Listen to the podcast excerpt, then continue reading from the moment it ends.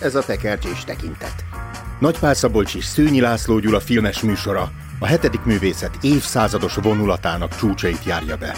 Derűvel és lelkesedéssel, szeretettel és bírálattal.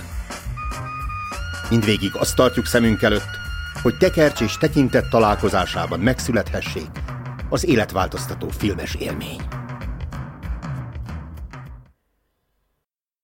Nagy tisztelettel és nagy szeretettel köszöntünk mindenkit. Ez a Tekercs és Tekintet. Én Nagypál Szabolcs vagyok. Én pedig Szűnyi László Gyula. Egy párbajról lesz szó. Steven Spielberg 1971-es első filmjéről.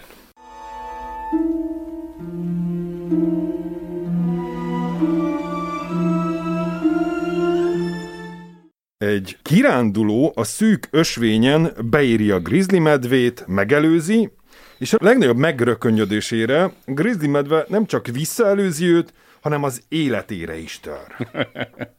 a férfiassága fölvállalásával küzdő tömegember életveszélybe kerül az országúton. A zaklató Godzilla ezúttal egy kamion.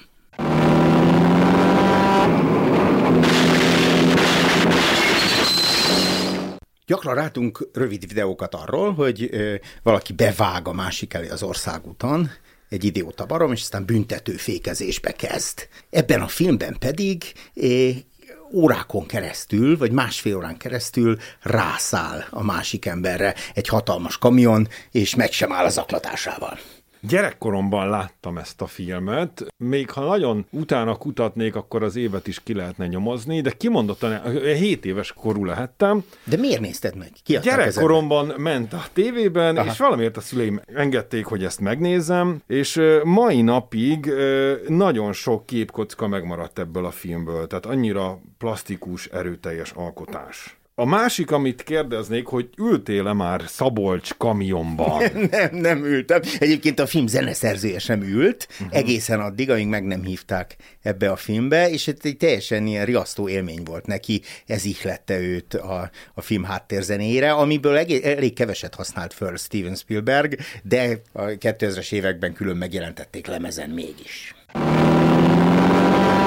Hogyha az ember stoppol, egyébként a stoppolás egy fontos témája Spielbergnek, ugyanis az első filmje is erről szól, de arról majd esetleg később. Szóval amikor az ember stoppol, az is fontos, hogy milyen utakon megy, az is, hogy milyen országban és hogy milyen autóval közlekedik. Volt egy időszak, amikor kamionnal nagyon simán fölvették az embert, mert a kamionos egyedül utazik, magányos, szükség van társra, de aztán azóta, hogy nagyobb számban utaznak ketten, meg hogy autópályán nem lehet stoppolni, szóval sok minden megváltozott, de volt szerencsém kamionban utazni, az egyik legszebb élmény az Boszniában, a külön, azt hiszem a Neretva völgyében, és minden olyan szépen fentről látható volt, és hogy ott rugóztunk abban a székben, az életem egyik legszebb emléke, de azért nem mindig ilyen a kamionos élet, például azért nem szerettem stopposként a kamionosokat, mert sokkal lassabb, mint egy sima autó. Hát itt persze lehet, hogy nem egyedül utazik, mert nem látjuk soha, hogy kivezeti a kamion. Lehet, Igen. hogy 25-en ülnek abban a kis doboz. Mi a filmnek a műfaja? Egyrészt azt tudjuk, mert olyan okosak vagyunk, hogy ez egy tévéfilm eredendően. Van, aki a legjobb amerikai tévéfilmnek tartja. Tehát kimondottan tévébe készítette ezt a filmet Spielberg, és a képarány is emiatt olyan, amilyen. Valaki írja, hogy megérdemelt volna egy 16 per 9-est, tökéletes volt így is nekünk, de hogy utólag kellett hozzá csapni még egy 10-15 percet. Igen. 74 perces volt a, a tévéfilm, és egy tévé sorozatban mutatták be, aztán annyira jó volt, hogy egy-két amerikai mozi is átvette, utána pedig Európában már mozifilmként ment, de ahhoz hozzá kellett valóban forgatni a 16 percet, hogy kijöjjön a 90.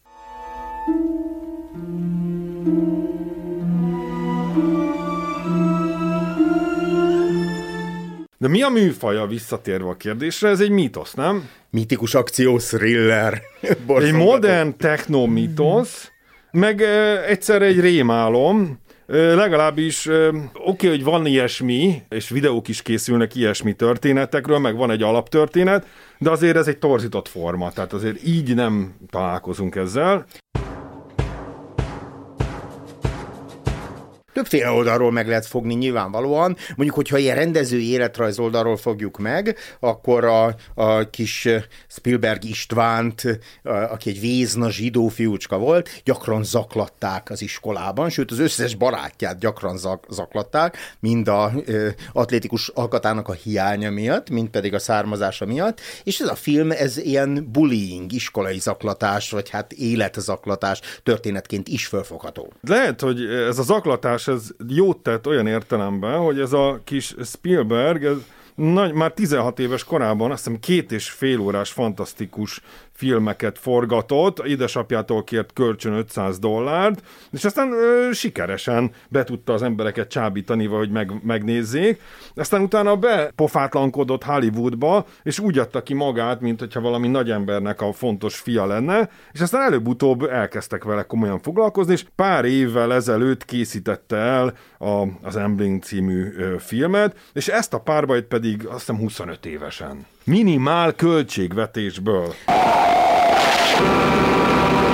Volt egy titkárnője, és ez a titkárnő adta a kezébe egyik nap a Playboy magazint, amelyben nem csak ledérnők találhatók, hanem színvonalas történetek is, és úgy gondolta a titkárnő, hogy Richard Mathesonnak, aki egyébként az Alkonyzóna több epizódját írta, ez a darabja, ez méltó Spielberghez, nem csak méltó, hanem hogy megragadja az ő képzeletét. A, a Matheson egyébként utazott a, a, az úton 1963. november 22-én, azért mondom ezt, mert ez a keledi gyilkosságnak a napja, uh-huh. és hát hasonló módon, talán nem ennyire agresszívan, de őt is zaklatták az úton, ezik lett a történetre. Csendben halkan megjegyzem, hogy az egyik szakdolgozatomat ebből az említett újságból írtam, hogyan változott a, az elmúlt 30 évben Magyarországon, és hogy nagyon érdekes, hogy a rendszerváltás idején mennyire tartalmas volt, mennyi novella, irodalmi vonatkozású Igen, vállalkozókkal interjúk. Sokkal kevesebb, eh, a mély interjúja azok klasszikusok voltak, illetve Persze mi sose láttunk ilyet, csak mesélték Igen, igen, igen. Eh, külön izgalmas volt a Széchenyiben ezeket kikérni, na de ne erről beszéljünk. Egy másik oldal, ahonnan meg lehet fogni ezt a filmet, az a japán Toho filmek világa. A, több mint 30 Godzilla filmet gyártott ez a cég, és a Godzilla ugye egy ilyen szörnyeteg, aki lappang, rejtekezik a mi képzeletünkben, és elkezd kitartóan üldözni bennünket. És nem szabadulhatunk tőle ad, egészen addig, amíg föl nem vesszük a kesztyűt, és szemben nem fordulunk vele. Kezdjük a cselekménnyel. Remek indítás, egy sötétséget látunk, egyszer csak gyújtás hangja is kigurul egy autó a garázsból, és a várost alulról látjuk, és közben megszólal a rádió, az autórádió, ami borzasztóan idegesítő. Csendben megkérdezem, hogy emberünk, mert hogy oké, okay, amikor még zene megy, vagy beszélgetések, de már egyre idegesítőbb és primitívebb beszélgetéseket hallani. Igen, Én aztán elkezdünk gyanakodni, hogyha már ennyi ideje megy a rádió, és tulajdonképpen semmi nem történik a filmen, csak az autózás, akkor lehet, hogy figyelni kéne az adásra is. És amikor elkezdünk figyelni, akkor itt éppen egy férfi panaszkodik, hogy az ő házasságában nem ő viseli a nadrágot nem dolgozik, de otthon se csinál semmit, ez külön előre visz bennünket, de hogy miért ilyen igénytelen műsorokat hallgat, miért nem Mozartot vagy bennünket, vagy legalább rock and és aztán kijutunk a városból a vadnyugatra.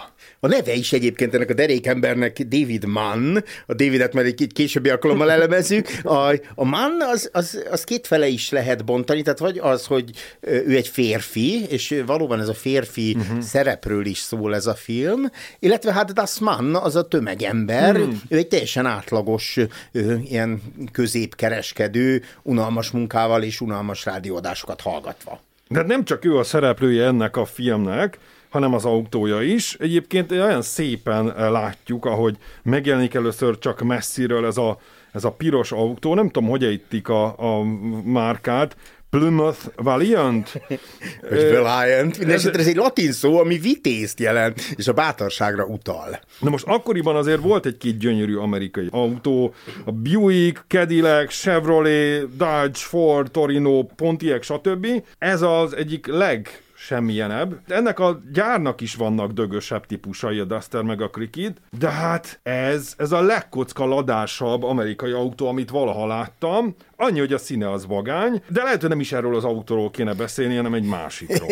Igen, mert autókról velem biztosan nem fogsz tudni beszélni, de azért a kamionhoz hozzászólnék. Ó. Volt casting például, Spielberg egy, egy castingolást, szereposztást tartott, hét darab kamiont hívott be, és azt választotta ki, amelynek az eleje, és itt jó, hogy eltévesztettem, Freudi nyelvbotlás volt, uh-huh. tehát, hogy az eleje egy arcot formázza leginkább ki, szemöldökkel, szemmel, és hogy minél riasztóbb, fenyegetőbb legyen, ekkor esett a választása erre a kamionra talán a szovjet Szergei mozdonyra emlékeztet bennünket, főleg ahogy füstöl, meg amilyen hangja van, meg még akár a dudája is, és hát nagyon érdekes, hogy egyszerre gőzmozdony, egy bálnavadászhajó, meg egy tank, egy ilyen mechanikus szörnyeteg, hét rendszáma van ennek a, a nagy kamionnak. Nem tudom ki mennyire nagy kamion szakértő, hogy itt a, hogy hány lóerős ez, úgy tudom, hogy 350 lóerős az a kamion. Jó, de a rendszámtáblák azért utalnak valamire, vagy arra utalnak, hogy már elég sok államon ő keresztül ment ahol nyilván sokakat már zaklatott, hm. de van, aki szerint ez egy ilyen skalp Így felsorolás, és itt egy sorozatgyilkos állunk szemben, aki rendre halálba hajszolja azokat, akiket kiszemel. Most itt van a kamion, és akkor ott van a kamionos, akiről már mondtuk, hogy lehet, hogy nem egy ember, de még mielőtt nagyon neki támadnánk a kamionosnak, lehet, hogy kéne ebben az irányban is egy kis érzékenyítés, legalább picit együtt érezni vele, mennyi sértés és lenézés érhet egy kamionsofőrt, élete az csupa magány és szeretet hiány, majd beszélünk talán róluk, hogy a kor mozgalmának képviselői nagyon sokszor ezt a szeretet hiányt emelték ki de nagyon messzire vezetne, ha belemennénk. Szóval itt van egy, ez a Peterbilt 281-es járgány. Egyébként azt hiszem használtak egy 351-est is, mert hogy, mert pótolni kellett a megsemmisült autót, mert hogy itt eláruljuk, hogy itt meg fog semmisülni ez a nagy járgány. Ehhez még az a háttérsztori tartozik, hogy leforgatott sok jelenetet ezzel a, a kamionnal Spielberg, és aztán ezt fölhasználta a producer cég, és ő ezt nagyon nehezményezte, és az összes többi filmjénél volt egy ilyen záradék, hogy nem lehet fölhasználni ilyen leforgatott jeleneteket más filmekben.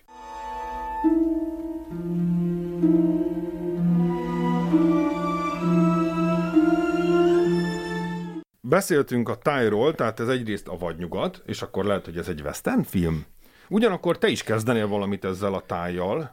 Én a sivatagot hoznám be, ez a kaliforniai sivatag, ahol vagyunk, és a, a film legelején e, leereszkedik ebbe a sivatagba, kanyargós utakon, e, magában a sivatagban történnek az események, e, belül is az úriemberben, azért ő hát egy ilyen megőrülési e, vonalon megy át, és a, aztán a film végén véget ér a sivatag, és fölfele mennek a hegyekbe, a kanyonokhoz.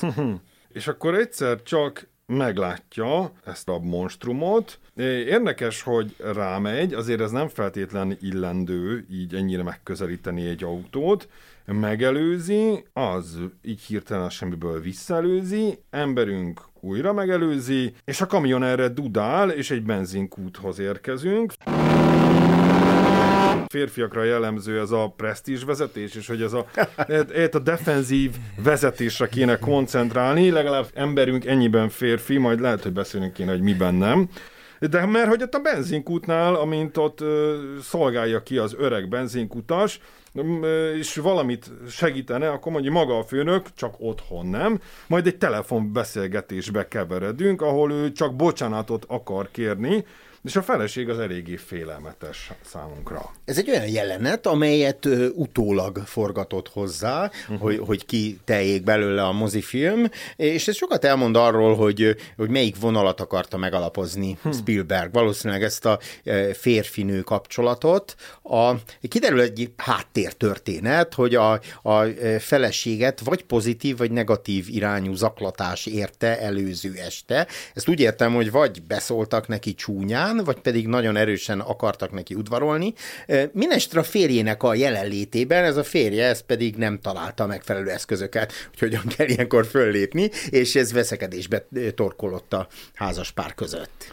Nagyon érdekes egyrészt a társadalmi kérdés, tehát, hogy mi a társadalmon kívül vagyunk, kilépünk a társadalomból, itt csak foszlányai vannak itt a vadnyugaton, és kérdés, hogy milyen ez a foszlány, ez egy hideg társadalom, vagy nem tudom, hogyan lehetne mondani. Annyi, hogy az étterem előtt a bácsi, meg a, ott a pincér is kedves, de azon kívül azért elzárkódó, egy rideg, hideg, részvédtelen visszajelzésekkel találkozunk. Másrészt pedig a társadalomnak a szerkezete is érdekes, hogy fiatalokat egyáltalán nem látunk. Itt mint, mint egy előregedett társadalomnak a tagjaival futánk össze. Hol vannak a fiatalok? Woodstockban? Vagy a srácok Vietnámban harcolnak? Lehet, hogy a kamionvezető 20 Lehet, éves. hogy az végre egy... Egyébként igen, a igen. valódi színész az 50 éves volt, Aha. aki vezette a kamion. Aha. És, és hogy másrészt, hogy ez a, fér, a férfi-női viszony, hogy az igazi férfiak ennek alapján még Amerikában sincsenek, meg a vadnyugaton sincsenek. Nem tudjuk, hogy miért, a háborúk miatt, a civilizáció áldásai miatt elkényelmesedtek. Ugye mindegyikre találunk példát. Rádióból azt tudjuk meg, hogy elkényelmesedett az a férfi. Ugye 71-ben járunk, tehát épp véget ért a 60-as évek, és a szexuális forradalom. Vagy Vietnámban harcolnak, vagy pedig ilyen tahó, kovboly utó képződmények, akik ott vannak bent a, az étteremben. Kérdez, vagy... a, a kamionsofőr, aki játszott a szerepet, ő megkérdezte a rendezőtől, hogy miért csinálja mindezt, amit uh-huh. csinál a filmben, és a rendező azt mondta, hogy azért, mert egy rohadt, piszkos, semmire kellő gonosztevő vagy. és ugyanakkor meg ott vannak az erős nők, akik, akik erősek, talán azért, mert a szituáció így, így alakul, hogy a háborúk miatt ők kerülnek be a termelésbe, a gyárakba, és aztán megváltozik minden. Livi kérdezte, mi van, ha a kamionos is egy nő? és aztán majd jönnek a gyermekek, akik, akik a hippi mozgalom révén majd elhozzák a gyermekek korát, de az majd egy következő korszak következő emberekkel. Még az, az is a rendező fejébe járt, hogy esetleg a feleség ott üljön a sofőr mellett. És ez is a korai forgatókönyvek között szerepelt, mert hogy azt kellett megoldani, hogy mitől lesz dramatikusan, meg szövegileg is izgalmas egy film. Hogyha van kivel beszélgetni, akkor ez behozhatta volna. Végül is a, a narráció mellett döntött, tehát ilyen hát belső, belső monológok, monológok, amiből érződik, hogy egy novella alapján íródott az egész. Most érdekes a neve szer, emberünknek, mert hogy mondtad, hogy Dávid, most a bibliai Dávid kicsi volt, de kiválasztott, piros szép szemű, kedves tekintetű, tudott hárfázni és parittyázni is, és bátor volt és istenhívő. Mi van ebből itt a főhősünknél? Miben hasonlít Dávidra? Maximum annyi, hogy kicsi ember, már nem abban az értelemben, görnyet tartású, ódivatú, barkójával és szemüvegével próbál azért menőzni, és egy szürke, unalmas, fantáziátlan, izzadt, büdös ember, jó, ez mondjuk a helyzetből is fakad. A színészt egyébként Dennis Weavernek hívják, uh-huh. és Orson Wellesnek a Gonosz érintése című filmnoárjában keltette föl Spielberg érdeklődését, és hát én megtöbbenve olvastam, hogy erre a szerepre eszébe jutott a rendezőnek Dustin Hoffman, Gregory Peck és Jean-Louis Trintignant is. A, tehát kicsit az, az más lett volna, nem mondom, hogy ez a Dennis ez rossz, sőt, talán fordítva mondanám, tehát annyira szürke szerintem, hogy, hogy pontosan beleillik ebbe a szerepbe. Ugye azért ilyen utakon 130-140-nel menni, az elég combos, és én nem szívesen közlekednék így. És kicsit eszünkbe juthat Kafka pere is, nem? Ahol nincs ok, nincs vád, nincs, nincs alany, mármint ha gyilkos alanyára gondolok, csak emberünk, mint tárgy. Van, aki azt írta, hogy ő, esetleg ő fölismerte ezt a kocsit, a kamionos, ezt az autómárkát a múltjából, valami történt vele, és ezért kezdte el pont ezt üldözni. Én inkább abban hiszek, veled egyetértve, hogy pont ez a félelmetes, ez a látszólagos véletlen. Semmi oka nincs, hogy miért pont őt. Rászáll valakire, és mehet. Aztán ott vagyunk az étteremben, ami általában mai napig üzemel, és akkor ott elkezdi keresni, hogy ki lehet az. Van-e arca egy kamionnak, vagy csak csizmája? És ott nézzük a bárpultnál. Kígyó bőrcsizma. ugye ilyen, furt, ilyen sötétkék farmer, és ez a nem tudom milyen barna ö, csizma, igen. Ez érdekes ez a kígyóbőr, mert ugye a kígyó az még előkerül, és mindenki gyanús. Ez kérdezem, hogy ez őket jellemzi, ezeket a figurákat, vagy főhősünket, aki, aki bennük látja mindazt mert mindenki az, noha száz év ezek, ahogy mondtam, még talán ezek mind kovbolyok voltak, lehet, hogy a civilizáció tette őket ilyenné, és hogy mi történt ezekkel az emberekkel? Igen, olyan lelkiállapotba eh, kerül ez a derék Dávid, hogy már mindenki gyanús, de mi is, a, a, nem tudom, a film feléig mondjuk, vagy legalábbis az első egyharmadáig nem vagyunk teljesen biztosak benne, hogy ez, ez tényleg megtörténik, tényleg. Én még mindig nem vagyok biztos benne. Aha, és akkor, mert mi is elkezdünk együtt érezni a főszereplővel, akinek fölborul a világa. Tehát annyira nem tudja hova tenni. Aztán igen, ő is fölborul, nem. nem és aztán érdekes az iskolabusz esete, ahol ugye a gyerekek hogyan bánnak vele, és ez erősíti azt, a, azt az elméletet, amit mondtál a rendező gyerekkorából. Az is egy plusz jelenet, amit később forgatott, és ott pedig kiderül a kamionosról, hogy hát egy derék rendes ember segít az iskolabusznak. Ez fontos.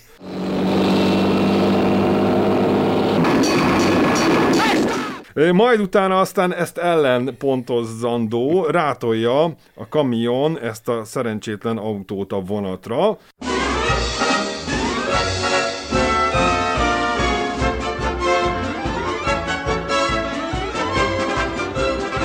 Ami érdekes, hogy nem csúszik rá, tehát azért szerintem ez simán működött volna. Vannak ilyen furcsa jelenetek. Hát hogy... igen, de ennek talán az lehet az oka, hogy nem akarja rátolni, csak, csak ijesztgeti. Csak játszik? játszik vele, mint, mint nem tudom, ilyen macskák szoktak ilyen apró kis bogárkákkal. Vagy akár tyúkokkal.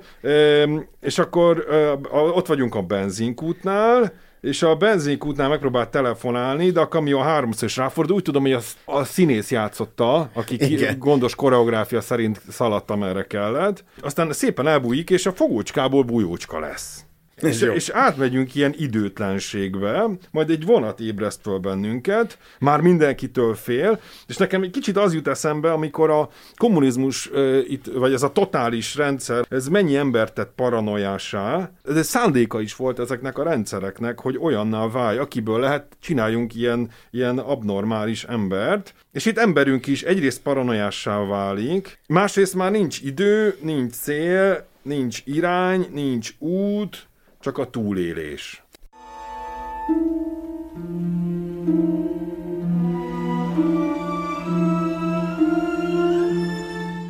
Amit meg kell oldani a rendezőnek, az az, hogy egy ilyen, ilyen faék egyszerűségű történetben végig fenntartsa a mi érdeklődésünket. Hmm. Tehát a, ezt a feszültséget fenntartsa. Ebben valószínűleg Hitchcock a nagymestere, és hát ezen kívül pedig az, hogy a, a fősnek a szorongását is látjuk. Tehát ahogy izzad, ahogy retteg, ahogy ilyen idióta módon röhögcsél, amikor ő maga is fölismeri, hogy az, a, az egy vonat volt, nem a a valódi teherautó. A, egy fontos eszköze a, a filmnek a zajoknak a világa, és valóban a hangmérnököt Emmy díjjal eh, ki is tüntették. A, nem is annyira a zene, mint inkább a, hát a, a kocsival kapcsolatos zajok teremtik meg azt a feszültséget, hogy mi is ott jelen vagyunk, és ez a, ez a mormogás behozza a, az, az állati világot is, tehát mint egy ősember a rátámadó állatokkal viaskodnék. Ezt egyébként használja is több filmjében is Spielberg. Vagy pedig a végső nagy jelenetben, ott pedig ez a dinoszaurusz ordításnak nevezett hangeffekt jön elő, amit egyébként Spielberg is átvett, tehát akkor összefér ezek szerint a etikai elveivel, átvett egy másik filmből, egy korábbi filmből, az pedig a, a sátáni világot hozza be, hogy nem gépként Aha. hal meg ez a kamion, hanem szörnyetek. Ugyanakkor meg nem robban föl, mert hogy javasolták neki, hogy legyen már valami nagy bum. Ugye éghető, ez van ráírva. És mindenki várja ezt, de hogy szépen lassan, akkor ahogyan elvérezteti a kamionos főhősünket, mert hogy amikor van az a nagy emelkedő, és eldurranott a hűtőcső, vagy nem tudom micsoda, akkor már egyre lassabban megy, és várjuk, hogy na akkor itt a vég, és itt most ez be fog következni, és miért nem teszi a kamionos ugyanazért, amit néztünk a vasúti átjárónál, hogy még játszik, játszik, ez a lassú elvéreztetés, vagy nem is tudom, hogy lehetne ezt mondani. Kérték Spielberget, hogy más, le, tehát, hogy más legyen egy kicsit a vége, valóban robbanjon föl a, a teherautó, mondta, hogy a, ahhoz, neki, ahhoz más rendezőt kell találniuk, ő biztos, hogy nem fogja ezt leforgatni, e, illetve hát e, még, még én is biztos mások is gyanakodtak, nyitva volt az ajtaja a kamionnak, amikor lezuhant, tehát azért, mert a, so, a, a való életben a sofőrnek ki kellett ugrania, de filmes szempontból azon merengünk, hogy esetleg kiugrott, és akkor mindjárt megint támad, vagy jön a, jön a második rész, hát párbaj kettő, igen. de azért szerencsére a rendező ilyen vérfoltokat rakott nekünk a, a, a kamiondobozba, úgyhogy ezt nem élte túl. Van egy filmes csávó az interneten, amerikai plán néven vezet egy blogot, Alex Kutorn, és neki van egy nagyon izgalmas elemzése erről a filmről. Érdemes mindenkinek megnézni, mert hogy elgondolkodunk egyrészt azon, hogy minek a parabolája vagy allegóriája ez az egész. Ki a cápa, akarom kérdezni, ki a kamion?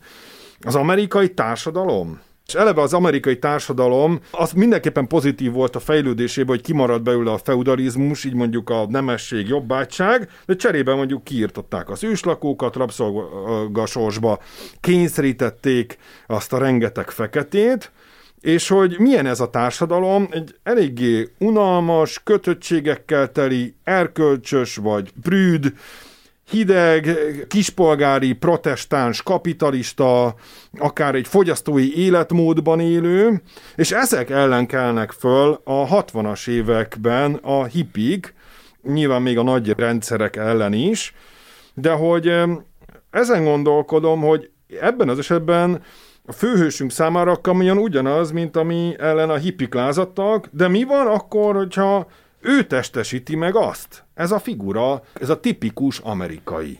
Ugyanakkor meg lehet, hogy most átmennénk áldozathibáztatásba, ami nem volna helyes.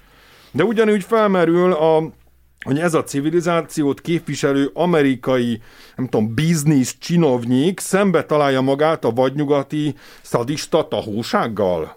Vagy mi, a, mi még itt ez a kamion? Vagy ezek a fehér protestáns férfiak elpapucsosodtak, és átadták az irányítást a nőnek, és a kamion igazából a, a nők mögöttük? Vagy az elvárás a kamion, a megszokások, a, vagy éppen a vágyai? Igazából önmaga nem csak az autó, hanem a kamion is. A Összeomlás című film kezd, kezd nekem már így eszembe jutni Mike douglas -szel. a, a szociológia és a, a gender mellett a, a legvégén vetetted föl, ahhoz akarok csatlakozni, van lélektani pszichológiai, illetve lelkiségi, spirituális olvasata is a filmnek, tehát a, a, a kamion, mint e, Dávid ős valamiének, vagyis ígyének a támadása e, áll mögötte egészen addig, amíg a sarkára nem áll, és e, kiáll magáért a föld, leg, vagy a hmm. film leges legutolsó jelenetében, vagy pedig spirituálisan is olvashatjuk a, az ezúttal nem kísértő gonosz, mert nem, itt nem a, nem a kísértésről szól ez a film, hanem a fenyegető gonosz, a, a, akitől menekülünk, egészen addig, amíg össze nem szedjük magunkat, hát vagy elveszünk, tehát többször is fenyegeti a, a halál, ami Dávidunkat. A, a dinoszaurusz ordítás, ami a sátánra utal, az egyébként a, a cápa filmben ugyanaz a hangeffekt, amikor elsüllyed a legvégén a cápa. Érdemes megnézni a szemüveget és a táskát, mert hogy rajta van az a szemüveg, lehet gondolni, hogy akár egészen menő az, van, amikor szopogatja, van, amikor lekerül, aztán visszakerül, aztán végleg lekerül, és van, aki azt írja, hogy ez a szím, szemüveg a szimbóluma az ő, hát ha nem is értelmiségi, de ilyen üzletemberi lényének, és azáltal, hogy leveszi, azáltal ő maga is vademberré válik. De ugyanígy a táskán is lehet gondolni, amikor azt áldozza föl. Tényleg a végén úgy örül, mint hogy az ősemberek örülnek a medve leölésének, ott ugrál és vihog össze-vissza. Mik Dávid és Góliát történetének tanulságai, hogy mi is kiválasztottak lehetünk, hogy beállunk-e harcolni, merünk-e kiállni, és mik ennek a filmnek a tanulságai? Valamikor már az se kérdés, hogy kimerünk-e állni, bele kell állni a helyzetbe? Ez volt tehát a párbaj Steven Spielberg 1971-es filmje. A tekercsés tekintetet hallották, én Nagypál Szabolcs vagyok. Én pedig Szőnyi László Gyula.